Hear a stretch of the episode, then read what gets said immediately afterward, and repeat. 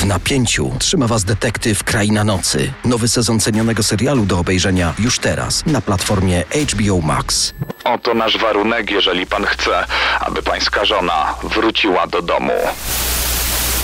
Wyważyli drzwi i w jednej z toalet natrafili na zmumifikowane zwłoki.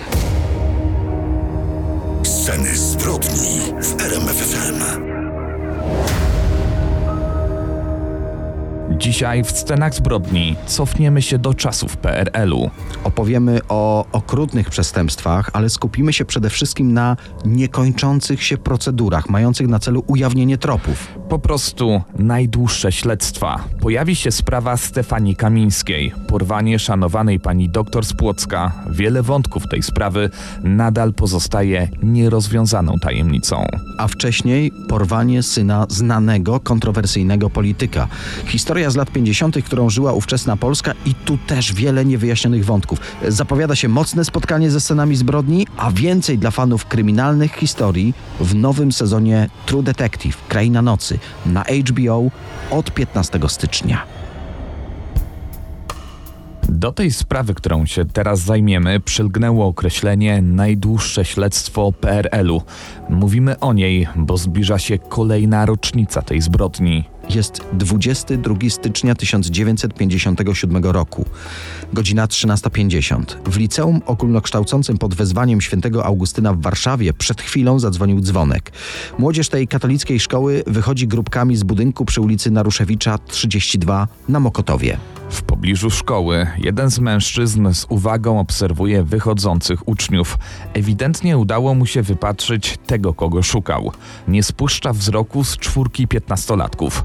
Koledzy Wojtek, Janusz, Rysiek i Bogdan idą wzdłuż gmachu szkoły, rozmawiają. Gdy dotarli do skrzyżowania z ulicą Wejnerta, nieznajomy mężczyzna podchodzi do nich, chwilę rozmawia, upewnia się, że jednym z nich jest Bohdan Piasecki. Pokazuje mu teczkę, z niej wyciąga pismo wyglądające na ważne, oficjalne, wskazuje kierunek, w którym we dwóch odchodzą. Koledzy chłopaka pozostali przy skrzyżowaniu, obserwują ich jeszcze chwilę. Nieznajomy mężczyzna wraz z Bogdanem docierają do jeszcze jednego mężczyzny, stojącego przy czarnej taksówce. Wsiadają do środka i odjeżdżają. Sytuacja jest na tyle dziwna, że koledzy postanowili zapamiętać numer rejestracyjny tej czarnej Warszawy. A do tego jeden z nich, Wojtek, postanowił wrócić do szkoły i poczekać na kolejną przerwę, by o wszystkim opowiedzieć bratu Bohdana. Opowieść Wojtka brzmiała sensacyjnie, ale nie niepokojąco. Razem poszli do domu, mając nadzieję, że może Bogdan już tam na nich czeka. Nie czekał. Wojtek opowiedział o dziwnej sytuacji przed szkołą tacie Bohdana. Ten dopytał o szczegóły i uznał, że musiało dojść do porwania syna. Natychmiast sięgnął po aparat telefoniczny. Zatelefonował nie na milicję, ale od razu do Ministerstwa Spraw Wewnętrznych. Stanowczo zażądał, by w trybie natychmiastowym rozpoczęto poszukiwania Bohdana.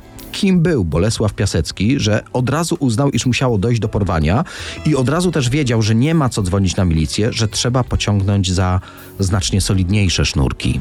Bolesław Piasecki to jeden z najbardziej wpływowych polityków powojennej Polski, a przeczytać można, że jeden z najbardziej kontrowersyjnych. Należał do środowiska narodowego, był przywódcą zdelegalizowanego ruchu narodowo-radykalnego Falanga. Publicznie głosił poglądy antysemickie, także antykomunistyczne, a o swojej organizacji jawnie mówił po prostu, że jest faszystowska. To było jeszcze przed wojną. W trakcie wojny walczył w kampanii wrześniowej, później działał w konspiracji, a potem pod koniec wojny walczył w Armii Krajowej. W trakcie okupacji w 1941 roku przyszło na świat jego najstarsze dziecko, Bogdan. Dwa lata później drugi syn, Jarosław. W trakcie powstania warszawskiego zginęła jego żona Halina, żołnierka AK. Po raz kolejny ożenił się w 1948 roku. Z drugą żoną Barbarą doczekał się jeszcze kolejnych pięciorga dzieci. W Polsce Ludowej ponownie działał aktywnie politycznie. Popierał władze komunistyczne i równocześnie działał w ruchu katolików świeckich. Założył Stowarzyszenie Pax, które początkowo wspierało Kościół, a w latach 50. poróżnił się z władzami kościelnymi do tego stopnia, że jego książka została wpisana do indeksu ksiąg zakazanych. No i od razu niemal w powojennej Polsce rozpoczął współpracę z UB. Działał pod pseudonimem Tatar. m.in. rozpracowywał polską emigrację w Londynie. W wyborach 65 roku został wybrany na posła i pełnił tę funkcję przez kolejne cztery kadencje. Jednak bezpośrednio przed tajemniczym zniknięciem jego syna działał przez kilka miesięcy w prezydium Ogólnopolskiego Komitetu Frontu Narodowego, instytucji podporządkowanej PZPR. Po śmierci Stalina e, w PZPR trwała walka o władzę różnych frakcji. Bolesław Piasecki domagał się oczyszczenia partii z wpływów żydowskich. Jak tylko usłyszał o zajściu przed szkołą, uznał najprawdopodobniej, że doszło do porwania i że była to zemsta polityczna środowisk, z którymi walczył. Bogdan Piasecki wyszedł z katolickiego liceum warszawskiego i został zatrzymany przez nieznanego mężczyznę. Pokazał mu jakieś pismo i razem wsiedli do taksówki. Wspomnieliśmy, że jego szkolni koledzy zapamiętali numer rejestracyjny tej taksówki T75 222. Komenda Miejska Milicji Obywatelskiej nie zdołała jednak ustalić danych posiadacza tej taksówki. Ojciec uprowadzonego chłopaka zlecił to więc swojemu współpracownikowi. Ten działał skuteczniej. Dowiedział się, że taksówka należała do Miejskiego Przedsiębiorstwa Taksówkowego.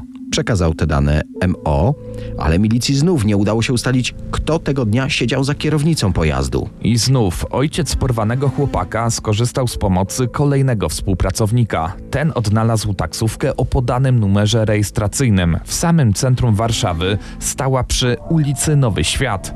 Milicja zatrzymała kierowcę. To wszystko działo się w dniu porwania w ciągu zaledwie kilku godzin. No właśnie, mówimy o porwaniu. A skąd wiemy, że naprawdę do niego doszło? Otóż już dwie godziny po zajściu przed szkołą dyrektor liceum świętego Augustyna odebrał telefon od osób podających się za przedstawicieli Ministerstwa Oświaty. Ale jak uzyskali połączenie z nim, powiedzieli, że porwali jego ucznia Bohdana. Porywacze zadzwonili również do Bolesława Piaseckiego. Powiedzieli, że doszło do uprowadzenia jego dziecka. Zażądali 4 tysięcy dolarów w gotówce oraz 100 tysięcy złotych. Poinformowali także, że w urzędzie pocztowym numer 1 zostawili list na jego nazwisko ze szczegółowymi informacjami. Minęły kolejne dwa dni, w czasie których Bolesław Piasecki miał zgromadzić pieniądze, co prawdopodobnie nie stanowiło dla niego większego problemu. Był wówczas jednym z bogatszych Polaków. Po dwóch dniach odebrał kolejny telefon od porywacza syna. Przestępcy upewnili się, że zebrał żądaną przez nich sumę. Jako punkt wymiany wyznaczyli restaurację kameralna. Pieniądze miał dostarczyć ksiądz prefekt z liceum porwanego chłopaka. Towarzyszyli mu tajniacy, milicjanci po cywilnemu, a jednak zasadzka się nie udała. Porywacze nie stawili się osobiście, a zadzwonili do tego lokalu, poprosili duchownego do aparatu telefonicznego i przekazali mu kolejne instrukcje. Miał pieszo udać się kilometr dalej, do budynku przy Alei na Skarpie 65. Tu znów nie było porywaczy, a znowu kolejna instrukcja. Miał przejść dwa kilometry pod adres ulica Jakubowska 16. Ewidentnie porywacze obserwowali, czy ksiądz ma tak zwany ogon. No, ale tam czekała kolejna instrukcja. Miał pojechać na wał międzyszyński, kolejne 8 kilometrów. Ta podróż księdza z pieniędzmi 24 stycznia 57 roku trwała jeszcze kilka przystanków. Coś jednak zawiodło. W jednej z lokalizacji ksiądz odnalazł portfel zostawiony przez porywaczy, tak jak mu zapowiedzieli. W nim miała znajdować się kartka z kolejnym adresem i jednak żadnej kartki nie znaleziono. Trop się urwał. Czy to było celowe działanie porywaczy, czy jakiś błąd? Dziś nie wiemy. W każdym razie tego samego dnia porywacze zadzwonili znów do Bolesława Piaseckiego. Poinformowali, że kolejny list znajduje się wsunięty w drzwi kościoła Świętego Krzyża. W tej wiadomości kidnaperzy poinformowali, że ojciec porwanego chłopaka nie trzymał się ustaleń. Bez problemu odkryli, że ksiądz mający dostarczyć okup miał milicyjną obstawę. Za karę zażądali jeszcze kolejnych 100 tysięcy złotych. No i zmiany dostawcy pieniędzy. Tym razem wytypowano bliskiego współpracownika Piaseckiego. Miał udać się do słupa kilometrowego przy ulicy Marszałkowskiej. Tam miał czekać na niego list z instrukcjami, a jednak listu nie było. Udał się do najbliższego aparatu telefonicznego, skąd zadzwonił do MSW. Powiedział, że nie ma żadnej wiadomości. Nakazano mu powrócić do słupa i poszukać jeszcze staranniej. I tym razem znalazł list, ale widać było, że ktoś naniósł do treści poprawki. Zmienił godzinę kolejnego spotkania Dostosował do aktualnej sytuacji. Czy więc cała akcja była obserwowana, czy też w MSW był jakiś przeciek? Czekała tu oczywiście kolejna wiadomość, która prowadziła dostawcę okupu w kolejne miejsce, w którym miała czekać kolejna wiadomość, ale tam z całą pewnością jej nie zostawiono. Trop się urwał. Okup nie został odebrany. Porywacze ucięli też wszelkie kontakty i wówczas w mediach zaczęła krążyć plotka, że to wszystko to była jedynie gra na czas, że syn został uprowadzony przez jego matkę. Czyli pierwszą żonę Piaseckiego, tę, która zginęła w Powstaniu Warszawskim 13 lat wcześniej. Żona miała w rzeczywistości mieszkać w Ameryce i tam uprowadziła kochanego syna. Oczywiście, jeśli jest plotka, w której nie ma nawet ziarna prawdy, to była właśnie ta. Mówiliśmy o grze porywaczy z jego ojcem, o wodzeniu za nos dostawców gigantycznego okupu i w końcu o urwaniu się wszelkich kontaktów z porywaczami. Czy mogli oni zrezygnować z tak ogromnych pieniędzy? 4 tysiące dolarów i 200 tysięcy złotych to była w 57 roku prawdziwa fortuna. Dziś uważa się, że właśnie aspekt majątkowy był najbardziej prawdopodobnym motywem porwania. Ojciec uchodził za naprawdę jednego z najbogatszych Polaków. Czy więc coś wystraszyło kidnaperów? Czy coś wpłynęło na zmianę ich planów? Wiedzieli, że polityk pociągnie za wszelkie sznurki, by, by ich dopaść. Nie chcieli ryzykować? Odpuścili? Sam Bolesław Piasecki miał przyjąć, że porwanie to zemsta jego oponentów politycznych. Oskarżał środowiska żydowskie, przeciw którym szczególnie gorliwie występował. Brano pod uwagę także scenariusz, w którym to porwanie było akcją służb bezpieczeństwa. Śledczy sprawdzili trop, czy w MSW porywacze mieli swojego informatora. Ktoś z wewnątrz mógł im zlecić uprowadzenie i ostrzegał ich przed zasadzkami milicji. Ale wspomnieliśmy o zatrzymaniu kierowcy taksówki, do której wsiadł w dniu porwania Bogdan Piasecki w towarzystwie dwóch innych mężczyzn. Taksówką kierował Ignacy Ekerling. Potraktowano go jako świadka porwania. Jednak śledztwo milicyjne kazało wątpić, czy był jedynie świadkiem. Zeznał, że wynajął swoje auto jakiemuś mężczyźnie, z którym krążył po Warszawie. Po drodze zabrali jeszcze jednego pasażera. To ten właśnie czekał przy taksówce, gdy wynajmujący kurs poszedł pod liceum po jakiegoś chłopaka. A jednak taksówkarz mylił fakty. Nie potrafił podać żadnych cech szczególnych swoich pasażerów. Nic nie widział, nic nie słyszał. Gdy zestawiono go z zeznaniami innych świadków, plątał się w swojej wersji jeszcze bardziej. Uznano więc, że musiał być dla porywaczy kimś więcej niż przypadkowo wynajętym kierowcą. Zachowywał się dość podejrzanie. Sprzedał mieszkanie, wyrobił sobie paszport, ewidentnie planował wyjechać za granicę. Bolesław Piasecki doprowadził do tego, że taksówkarzowi zabroniono wyjazdu, ale nie został aresztowany. Jeszcze przez rok pracował w przedsiębiorstwie taksówkowym. Wiosną 1958 roku zmienił się prowadzący śledztwo. Przeanalizował on dowody przeciwko taksówkarzowi i nakazał natychmiastowe aresztowanie i przeszukanie jego nowego mieszkania. Znaleziono w nim notatki o lokatorach budynków, które pokrywały się z adresami, pod jakie wysyłano dostawców okupu. Wśród jego znajomych byli trzej pracownicy służby bezpieczeństwa, którzy wkrótce po porwaniu mieli zrezygnować ze służby i wyjechać za granicę do Izraela. Znaleziono również odręczny rysunek przedstawiający plan ulic przy liceum w miejscu porwania Bogdana Piaseckiego. Taksówkarzowi postawiono zarzut uczestnictwa w tym porwaniu.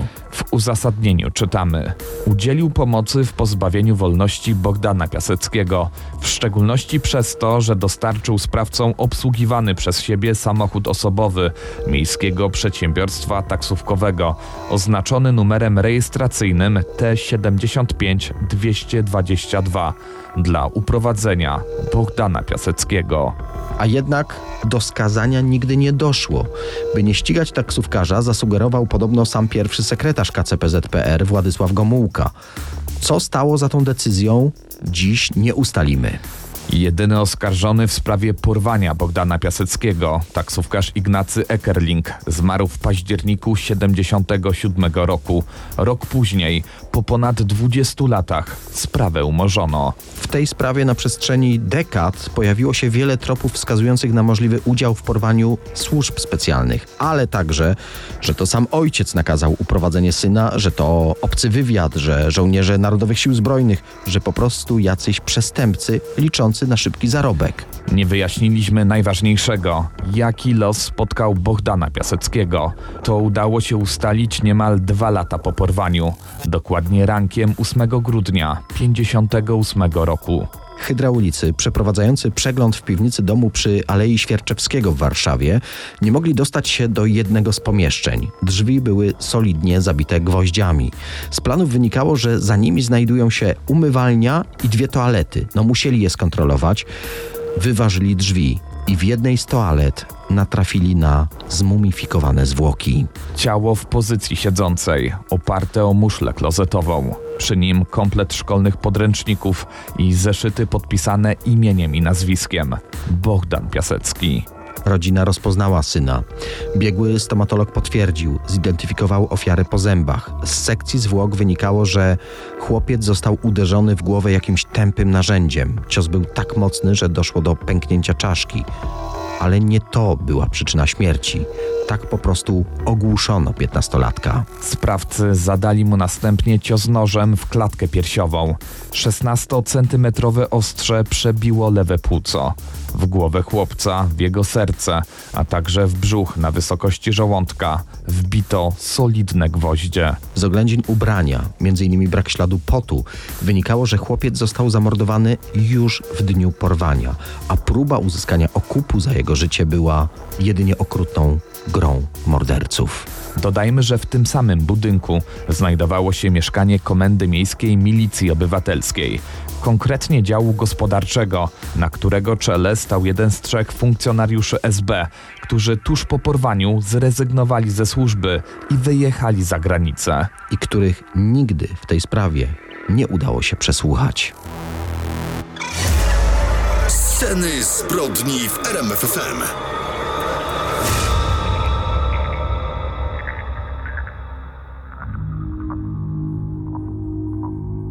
Przenosimy się do roku 1970, dokładnie do kamienicy przy ulicy Tumskiej w Płocku. Tutaj mieszkają państwo kamińscy. To para lekarzy. 64-letnia Stefania jest bardzo szanowaną pediatrą. Kobieta słynie ze świetnego podejścia do dzieci. Jej mąż, Kazimierz, to specjalista pulmonologii. Państwo kamińscy prowadzą w swoim mieszkaniu prywatną praktykę lekarską. 5 czerwca 1970 roku nie wyróżniał się zbytnio na tle innych dni. Stefania, jak zwykle po dyżurze w różnych placówkach edukacyjnych, wróciła do swojego gabinetu przy ulicy Tumskiej. Tam umówieni pacjenci odwiedzali renomowaną panią doktor. Około godziny 15 do mieszkania Kamińskich zapukał zdenerwowany mężczyzna z charakterystycznym wschodnim akcentem. Nieznajomy prosił panią doktor, aby pilnie zbadała dziecko we wsi Brwilno. To jakieś 8 kilometrów od Płocka. Stefania, widząc, że sytuacja jest poważna, zgodziła się na wizytę poza miastem. Szybko spakowała niezbędne przyrządy, pożegnała się z mężem i wsiadła do beżowego trabanta nieznajomego mężczyzny, który miał zawieźć ją do chorego. Godziny mijały, a Stefania nie wracała. Zmartwiony Kazimierz Kamiński rozpoczął poszukiwania żony na własną rękę. Może kobieta gdzieś zasłabła i potrzebuje pomocy, może wydarzył się wypadek drogowy. Godziny jednak zmieniły się w doby. W końcu po dwóch dniach zaginięcie Stefanii Kamińskiej zgłoszono na milicję. Mimo wielkiego zaangażowania mediów nie natrafiono na żaden ślad poszanowanej doktor. Komunikaty w radiu i w telewizji nadały całej sprawie rozgłosu, ale do śledczych nie zgłosił się wyczekiwany świadek. Przeszukano okolice z ziemi i powietrza. Zaangażowano psy tropiące, helikopter z kamerą termowizyjną. Niestety, wszystko na nic. Zrozpaczony Kazimierz tracił nadzieję na to, że zobaczy jeszcze swoją ukochaną żonę. Ale po kilku dniach od zaginięcia w swojej skrzynce pocztowej znalazł tajemniczy list, e, zacytujmy fragment, 300 tysięcy złotych. Oto nasz warunek. Jeżeli pan chce, aby pańska żona wróciła do domu. Anonimów przyszło w sumie pięć. Zawierały dokładne instrukcje przekazania okupu i sposobu kontaktowania się z porywaczami. Do dwóch dołączono również odręczne listy Stefanii Kamińskiej. Autentyczność wiadomości potwierdzono podczas badań. W barze Piast, zlokalizowanym niedaleko mieszkania Kamińskich, mąż zaginionej miał wywiesić anons, który był sygnałem do spotkania z porywaczem i przekazania okupu. Milicja zamontowała wówczas w lokalu ukrytą kamerę, która wykonała 3700 fotografii. Liczono, że porywacz przyjdzie sprawdzić ogłoszenie. Spotkanie z porywaczem finalnie nigdy nie dochodzi do skutku. Mimo zaangażowania tak wielkich środków, przez 9 miesięcy sprawa zaginięcia dr Stefanii Kamińskiej stała praktycznie w miejscu, ale śledczy natrafili w końcu na obiecujący trop. Śledczy dysponowali tak naprawdę jedynie anonimami od domniemanego porywacza, dlatego dokładnie prześwietlono nadesłane wiadomości. Listy zostały najprawdopodobniej sporządzone na maszynie marki Mercedes. W związku z tym skontrolowano kilkaset maszyn na terenie Płocka i w okolicach miasta. Ponownie bez żadnych rezultatów. Sposób, w jaki domniemany porywacz konstruował swoje wiadomości, świadczył o tym, że ma spore doświadczenie w pisaniu na maszynie. Może pracował jako pracownik naukowy, pisarz albo dziennikarz gazety. Analizując dokładnie treść wiadomości, specjaliści stworzyli portret psychologiczny nieznajomego. Dodatkowo zabezpieczono na listach odbitki linii papilarnych. Ustalono również, że kilka miesięcy po porwaniu Kamińskiej podobne pogróżki otrzymali bogaci mieszkańcy Konina oddalonego od Płocka o ponad 120 km. Anonimy napisano tą samą charakterystyczną czcionką. Wspominano w nich o gangu porywaczy, którzy uprowadzili doktor Kamińską. Śledczy połączyli te sprawy, funkcjonariusze rozpytywali mieszkańców Konina, czy znają może jakiegoś właściciela trabanta, który pracował kiedyś w jakiejś gazecie. Wkrótce usłyszeli, że znają. Nazywa się Zbigniew Bielaj. 49-letni mężczyzna zajmował się wówczas hodowlą królików, ale w przeszłości pracował dla Gazety Poznańskiej. Dokładna analiza życiorysu mężczyzny odsłania coraz mroczniejsze wydarzenia. Tak naprawdę nazywał się Iwan Ślesko, obywatel ZSRR. Służył w Armii Czerwonej, następnie w NKWD i KGB, oddelegowany do Wojska Polskiego. Po jakimś czasie zdezerterował i zmienił tożsamość na Zbigniew Bielaj. Podejrzany utrzymywał, że jest niewinny. Jednak śledczy dysponowali już mocnymi dowodami. Odciski palców z anonimów należały do Bielaja. Zlokalizowano go na zdjęciach z ukrytej kamery w barze Piast. Próbował ukryć fakt posiadania maszyny, na której sporządzono wiadomości. A co najważniejsze, mąż zaginionej, Kazimierz Kamiński, rozpoznał, że to właśnie Zbigniew Bielaj przyjechał trabantem prosić o pilną wizytę dr Stefanii poza miastem. Wkrótce Bielaj pękł. Opowiedział śledczym, że będąc w wojsku zamordował na terenie Polski kilka osób, w tym innych mundurowych. Był potworem w ludzkiej skórze i czuł się bezkarnie. Chętnie opowiadał o swoich zbrodniach, bo doskonale wiedział, że te przestępstwa się już przedawniły i nic mu nie grozi przedstawił w końcu swoją wersję wydarzeń z czerwca 1970 roku. Stefanię Kamińską porwał na zlecenie pewnego mężczyzny z charakterystycznym zarostem, nazywanym później brodaczem. Ów brodacz szantażował Bielaja, że jeśli nie porwie lekarki, to milicja dowie się o tych morderstwach, których dokonał w przeszłości. Relacjonował, że wywiózł Kamińską do lasu, gdzie przejął ją zleceniodawca w samochodzie marki Mercedes. Jak zapewniał, Później już nigdy lekarki nie spotkał. Jednak dowody i zeznania świadków zupełnie nie zgadzały się z opowieścią byłego sowieckiego agenta. Co więc wydarzyło się naprawdę? Śledczy szybko obalili wersję Zbigniewa Bielaja, wskazującą na winę szantażysty, tajemniczego brodacza. Ekspertyza listów wskazywała jasno, że wiadomości pisał sam. Ponadto niedaleko domu Bielaja zabezpieczono rzeczy osobiste zaginionej: stetoskop, portmonetkę, futerał na okulary i pieczątkę z nazwiskiem Kamińska. Ponadto znaleźli się też świadkowie, którzy zauważyli w domu Bielaja starszą kobietę po sześćdziesiątce w okularach. Jednym z nich był sąsiad, który remontując wspomniany dom, wszedł przez przypadek do zamkniętego pokoju na strychu. Zauważył tam niepokojąco zachowującą się panią. Podejrzany szybko zabrał go z tego pomieszczenia. Gdy wspomnianemu sąsiadowi pokazano później fotografię doktor Stefańskiej, bez wahania potwierdził, że to ona. Łącznie cztery osoby widziały Kamińską w domu Bielaja. Była prawdopodobnie odurzona lekami. Wydaje się więc, że wszystko w tej sprawie jest jasne, a morderca odpowie za swoje zbrodnie. Jednak mimo dokładnego przeszukania posiadłości oskarżonego, nie znaleziono ciała zaginionej. Dodatkowo popełniono wiele błędów podczas zabezpieczania dowodów. Trabant, którym porwano lekarkę, zlicytował komornik. Nowi właściciele odnowili samochód. Niemożliwe było więc znalezienie jakichkolwiek śladów. Podejrzewano, że po jakimś czasie przetrzymywania Stefanii Bielaj kobietę zamordował, a ciało poćwiartował. Zrobił tak już podobnie ze swoją poprzednią ofiarą w 1946 roku, znajomą z czasów wojska, która mogła wyjawić prawdę na temat jego prawdziwej tożsamości. Szczątki pani doktor mógł spalić w piecu. Sąsiedzi skarżyli się na bardzo nieprzyjemny zapach dymu z komina Bielaja. Jednak i tym razem nie zabezpieczono pieca centralnego ogrzewania. Ostatecznie procesy, których było w sumie pięć, miały charakter poszlakowy. Ciągnęły się do 2 stycznia 1985 roku, w sumie 14 lat. Były jednym wielkim pasmem apelacji, rewizji, unieważniania poprzednich wyroków. Wiele ze zgromadzonych dowodów nie miało wartości procesowej. Zeznania świadków podważano. Finalnie Zbigniew Bielaj, wel Iwan Ślesko, nie odpowiedział za morderstwo Stefanii Kamińskiej.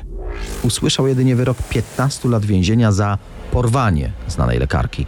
Mężczyzna zmarł w 1993 roku. Na łożu śmierci Bielaj ponownie zmienił wersję zdarzeń.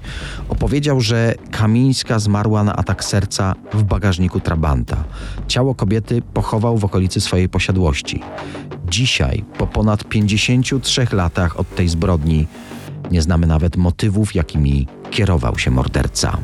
Dodajmy jeszcze, że motyw finansowy był tym głównym badanym w czasie procesu. Pytanie, czy Bielaj ryzykowałby swoje życie, pamiętajmy o karze śmierci w ówczesnym kodeksie karnym, dla 300 tysięcy złotych z okupu. Nawet jeśli to w Płocku i okolicach znajdowało się wiele bardziej majętnych rodzin. Jednak wyjawia się też prawdopodobny prywatny motyw tej zbrodni.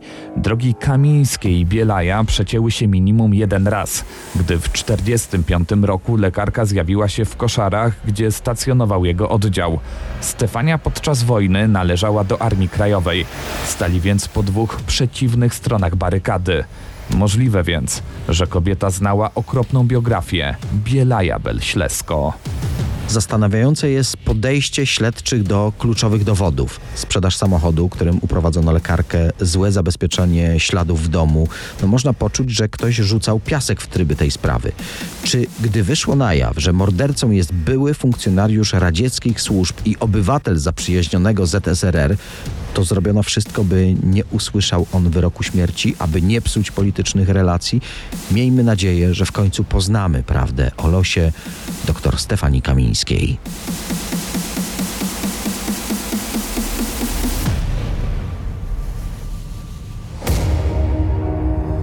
Sceny zbrodni w RMFFM. W napięciu trzyma Was detektyw Kraina Nocy. Nowy sezon cenionego serialu do obejrzenia już teraz na platformie HBO Max.